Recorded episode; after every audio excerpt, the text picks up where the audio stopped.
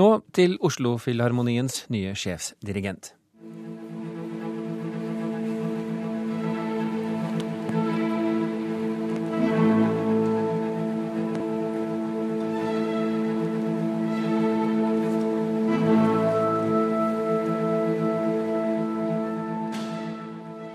Vi tåler litt eh, dårlig lyd eh, bare for å få høre starten på Beethovens 9. symfoni, som Oslo-Filharmonien skal spille på Rådhusplassen i Oslo i morgen.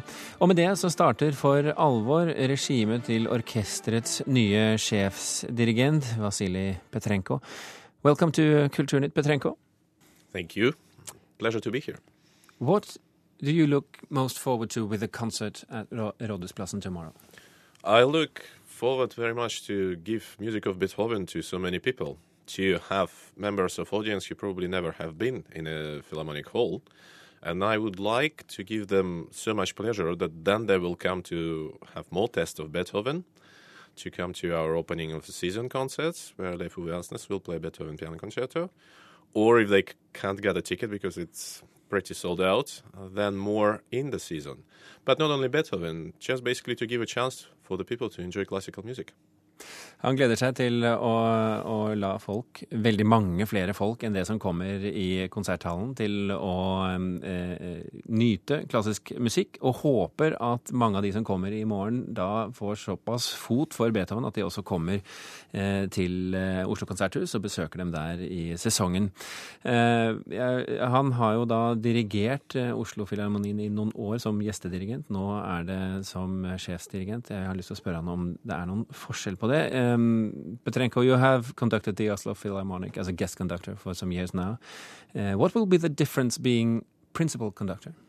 Uh, the difference being principal conductor and guest conductor is quite simple. Either you're dating a girl or you have a wedding and marriage with her, and then you have a long-term relationship. And when you are principal conductor with orchestra, you can work uh, in longer terms. So you can see how this or that program build an orchestra and make them better, make them play better, give more discipline, more understanding of the music, more emotions. And then uh, you actually can achieve much better results.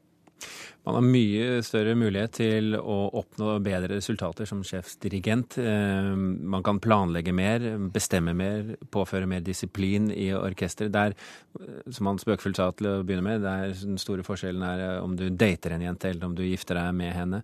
Um, what are your ambitions for the orchestra? My ambition is always to be number one. It's my personal ambitions, and I think the orchestra shares. The Oslo Philharmonic is very well established orchestra and very well known, but I think we can go even further. And I think in a few years we shouldn't be afraid to be even better than Berlin Philharmonic, for instance. Of course, I do understand that all those ratings is, are very subjective, and it's not like in sport you don't have clean results. But in our understanding, that's my aim to make the orchestra the best in the world. Simple as that. Petrenko er svært ambisiøs. Han vil at Oslo-filharmonien skal bli det beste orkesteret i verden, intet mindre, og om et par år eh, bedre enn Berlin-filharmonikeren, altså. Eh, han kommer riktignok bare til å være eh, ti uker av gangen i orkesteret. Han har flere oppgaver rundt omkring i verden. Petrenko, seven weeks this year, ten weeks each year the following three years. What can you accomplish with an orchestra in only ten weeks per year? Actually, quite a lot. Uh, I would like to have more weeks, but uh, simply season not allowed it. And I think the audience also need to have quite a decent amount of guest conductors, and the orchestra need to have a good guest conductors. That will make a lot of benefits for the orchestra. But it's not only seven weeks; it's seven weeks plus tours, and we're going to United Kingdom to play on proms at the beginning of September, and then to Ireland. Then we have a very long tour to Japan in the spring. So it's actually more time it's seven or ten weeks here in Oslo, hmm. plus another two, four weeks a year somewhere abroad. And uh, it's a normal amount nowadays for the principal conductors in, in the orchestras from 10 to 14 weeks. And I think uh, because this practice was established over the last 20, 30 years, probably some reasons behind it. Helt uh, normalt, sier han, og ti uker er ganske mye å jobbe med et orkester. Og i tillegg kommer turnévirksomheten. Um, og dessuten, uh, kanskje også publikum trenger uh, mer påfyll av gjestedirigenter som gjør ting litt annerledes. Um, Petrenko, how does it feel to be the successor of Maris Janssons André Previn and Jukka-Pekka Saraste? Good. it feels good, but you know, under Mari's time, of course, it was um, golden era of the Oslo Philharmonic. Then uh, Andre and Jukka-Pekka, they still being doing incredibly well, and the attendance of the hall and the orchestra quality still being there. But I think after the golden era, it will be platinum era now. I'm not afraid of comparisons. I think uh, first of all, we all, each conductor, have its individuals. And in all history, there were no conductors look alike. Every successful conductor has its own style, and it's never a copy. Of course, I've studied with Maris years ago in St. Petersburg, and I know quite a lot of what he's doing in the rehearsals and in the concerts, and I do appreciate it enormously, and I pick some of those hints into my style. But to say that I copy any of those three, not at all. Han kommer ikke til å kopiere sine forgjengere, Maris Janssons, André Previn og Jukka-Pekka Saraste. Han er ikke redd for å sammenlignes med dem heller. Han syns det er helt ålreit. og han har studert med Maris Jansson i St. Petersburg og, og, og, har plukket en del ting fra han. Og han sier at perioden under Maris Janssons var en uh, gyllen periode, og han går nå for platinum. Um, how important is it for you to rejuvenate the orchestra's audience? Crucial. That's what I achieved in the last years in Liverpool. We have as much as a third of audience under 35 years. And uh, I still haven't discovered exact ways how to do it here, but we will extend our work with students, with school children, and with all youngsters. I hope we will achieve it mainly uh, not so much actually by making tickets cheaper. We will do so, but usually it doesn't give very big result. It's more about the propaganda, more about collaboration with university, with all schools, uh, more of us going there first, and then bringing students or school children to the concert hall. And I hope we will do so, but it's one of the most important tasks I see in the coming years, because if only coming audience will be in a concert, which I still think that we need to extend even a current audience and a current age. But if they will come slowly, we'll have less and less of them by the natural reasons. Han eh, mener at det å forynge publikum er helt avgjørende for alt han gjør her i, eh, i, Oslo. De er ikke helt sikre på hvordan de skal få det til ennå. Det er ikke sikkert at de kan overføre det de har gjort i eh, Liverpool-filharmonien til Oslo. Men han snakker i hvert fall om at de skal ut og besøke ungdom og barn der hvor de er, og så prøve å få dem inn i, i konsertsalen. Og i tillegg også samarbeide en del med musikkstudenter rundt forbi.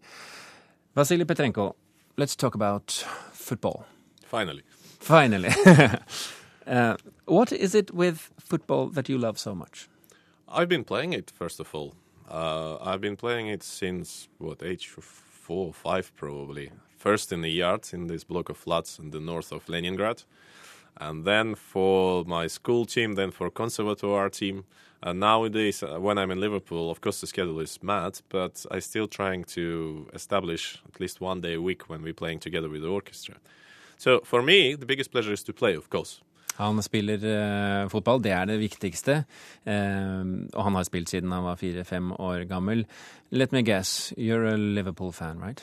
Zenit St. Petersburg. Zenit St. Petersburg. How can you live in Liverpool for such a long time without being a Liverpool fan? Well, to be honest, in Liverpool, uh, it's about half and half. Half of the city is red, another half is blue. Exactly. Half supporting Liverpool, half supporting Everton. I live actually closest to Tranmere Rovers Football Club. They are in League Two, I think, or even three. Uh, but their chairwoman, she's also chairwoman of the Philharmonic. So we have a lot of connections. Yes. Uh, and uh, I've been coming to the games been watching them. I must say, see that I must say that uh, more after Zenit St. Petersburg, I'm more on the red side, more on Liverpool, simply because they share my ambitions to be number one. They really fight for it. Everton is more of the family club. People coming there to with the families to have a very nice time. Han eh, sier at eh, Zenit St. Petersburg selvfølgelig er hans lag, og hvis han må velge et lag i Liverpool, så heller han mer mot Liverpool enn mot Everton. Men eh, hans eh, styreleder i orkesteret er altså styreleder for Tranmere, som, han, som er likevel der hvor han bor, men det er først og fremst ambisjonsnivået til eh, Liverpool han, eh, som gjør at han trekkes mot dit. Did you know that Liverpool was in Oslo just the other day? I know it's it's a bit of a pain for Valerenga fans, I think, but yes. nevertheless, it's a pre-season. You know, I wouldn't take it very seriously. Any of those games, usually.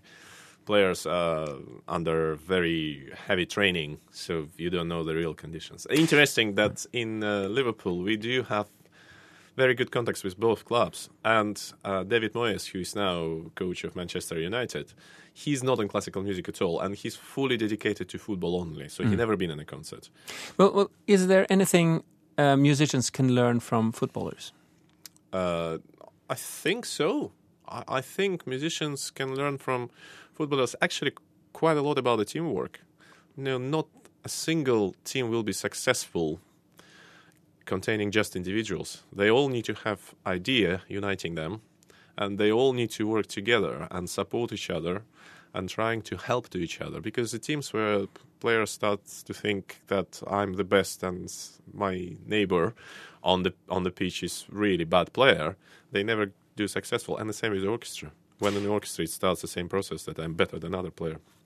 Orkesteret kan lære noe av fotballspillere, nemlig det å samarbeide og det å støtte hverandre og det å gjøre hverandre gode. Eh, hvis man er eh, selvstendige individer i et orkester, så får man ingenting til eh, og blir i hvert fall ikke veldig eh, gode.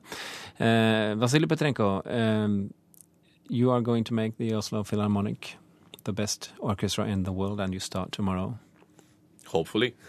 Good luck. I hope that the weather will be nice tomorrow because it's open air concert and my fingers crossed for the nice and sunny weather and also for the whole season. I hope to see everybody from Oslo in the concert hall.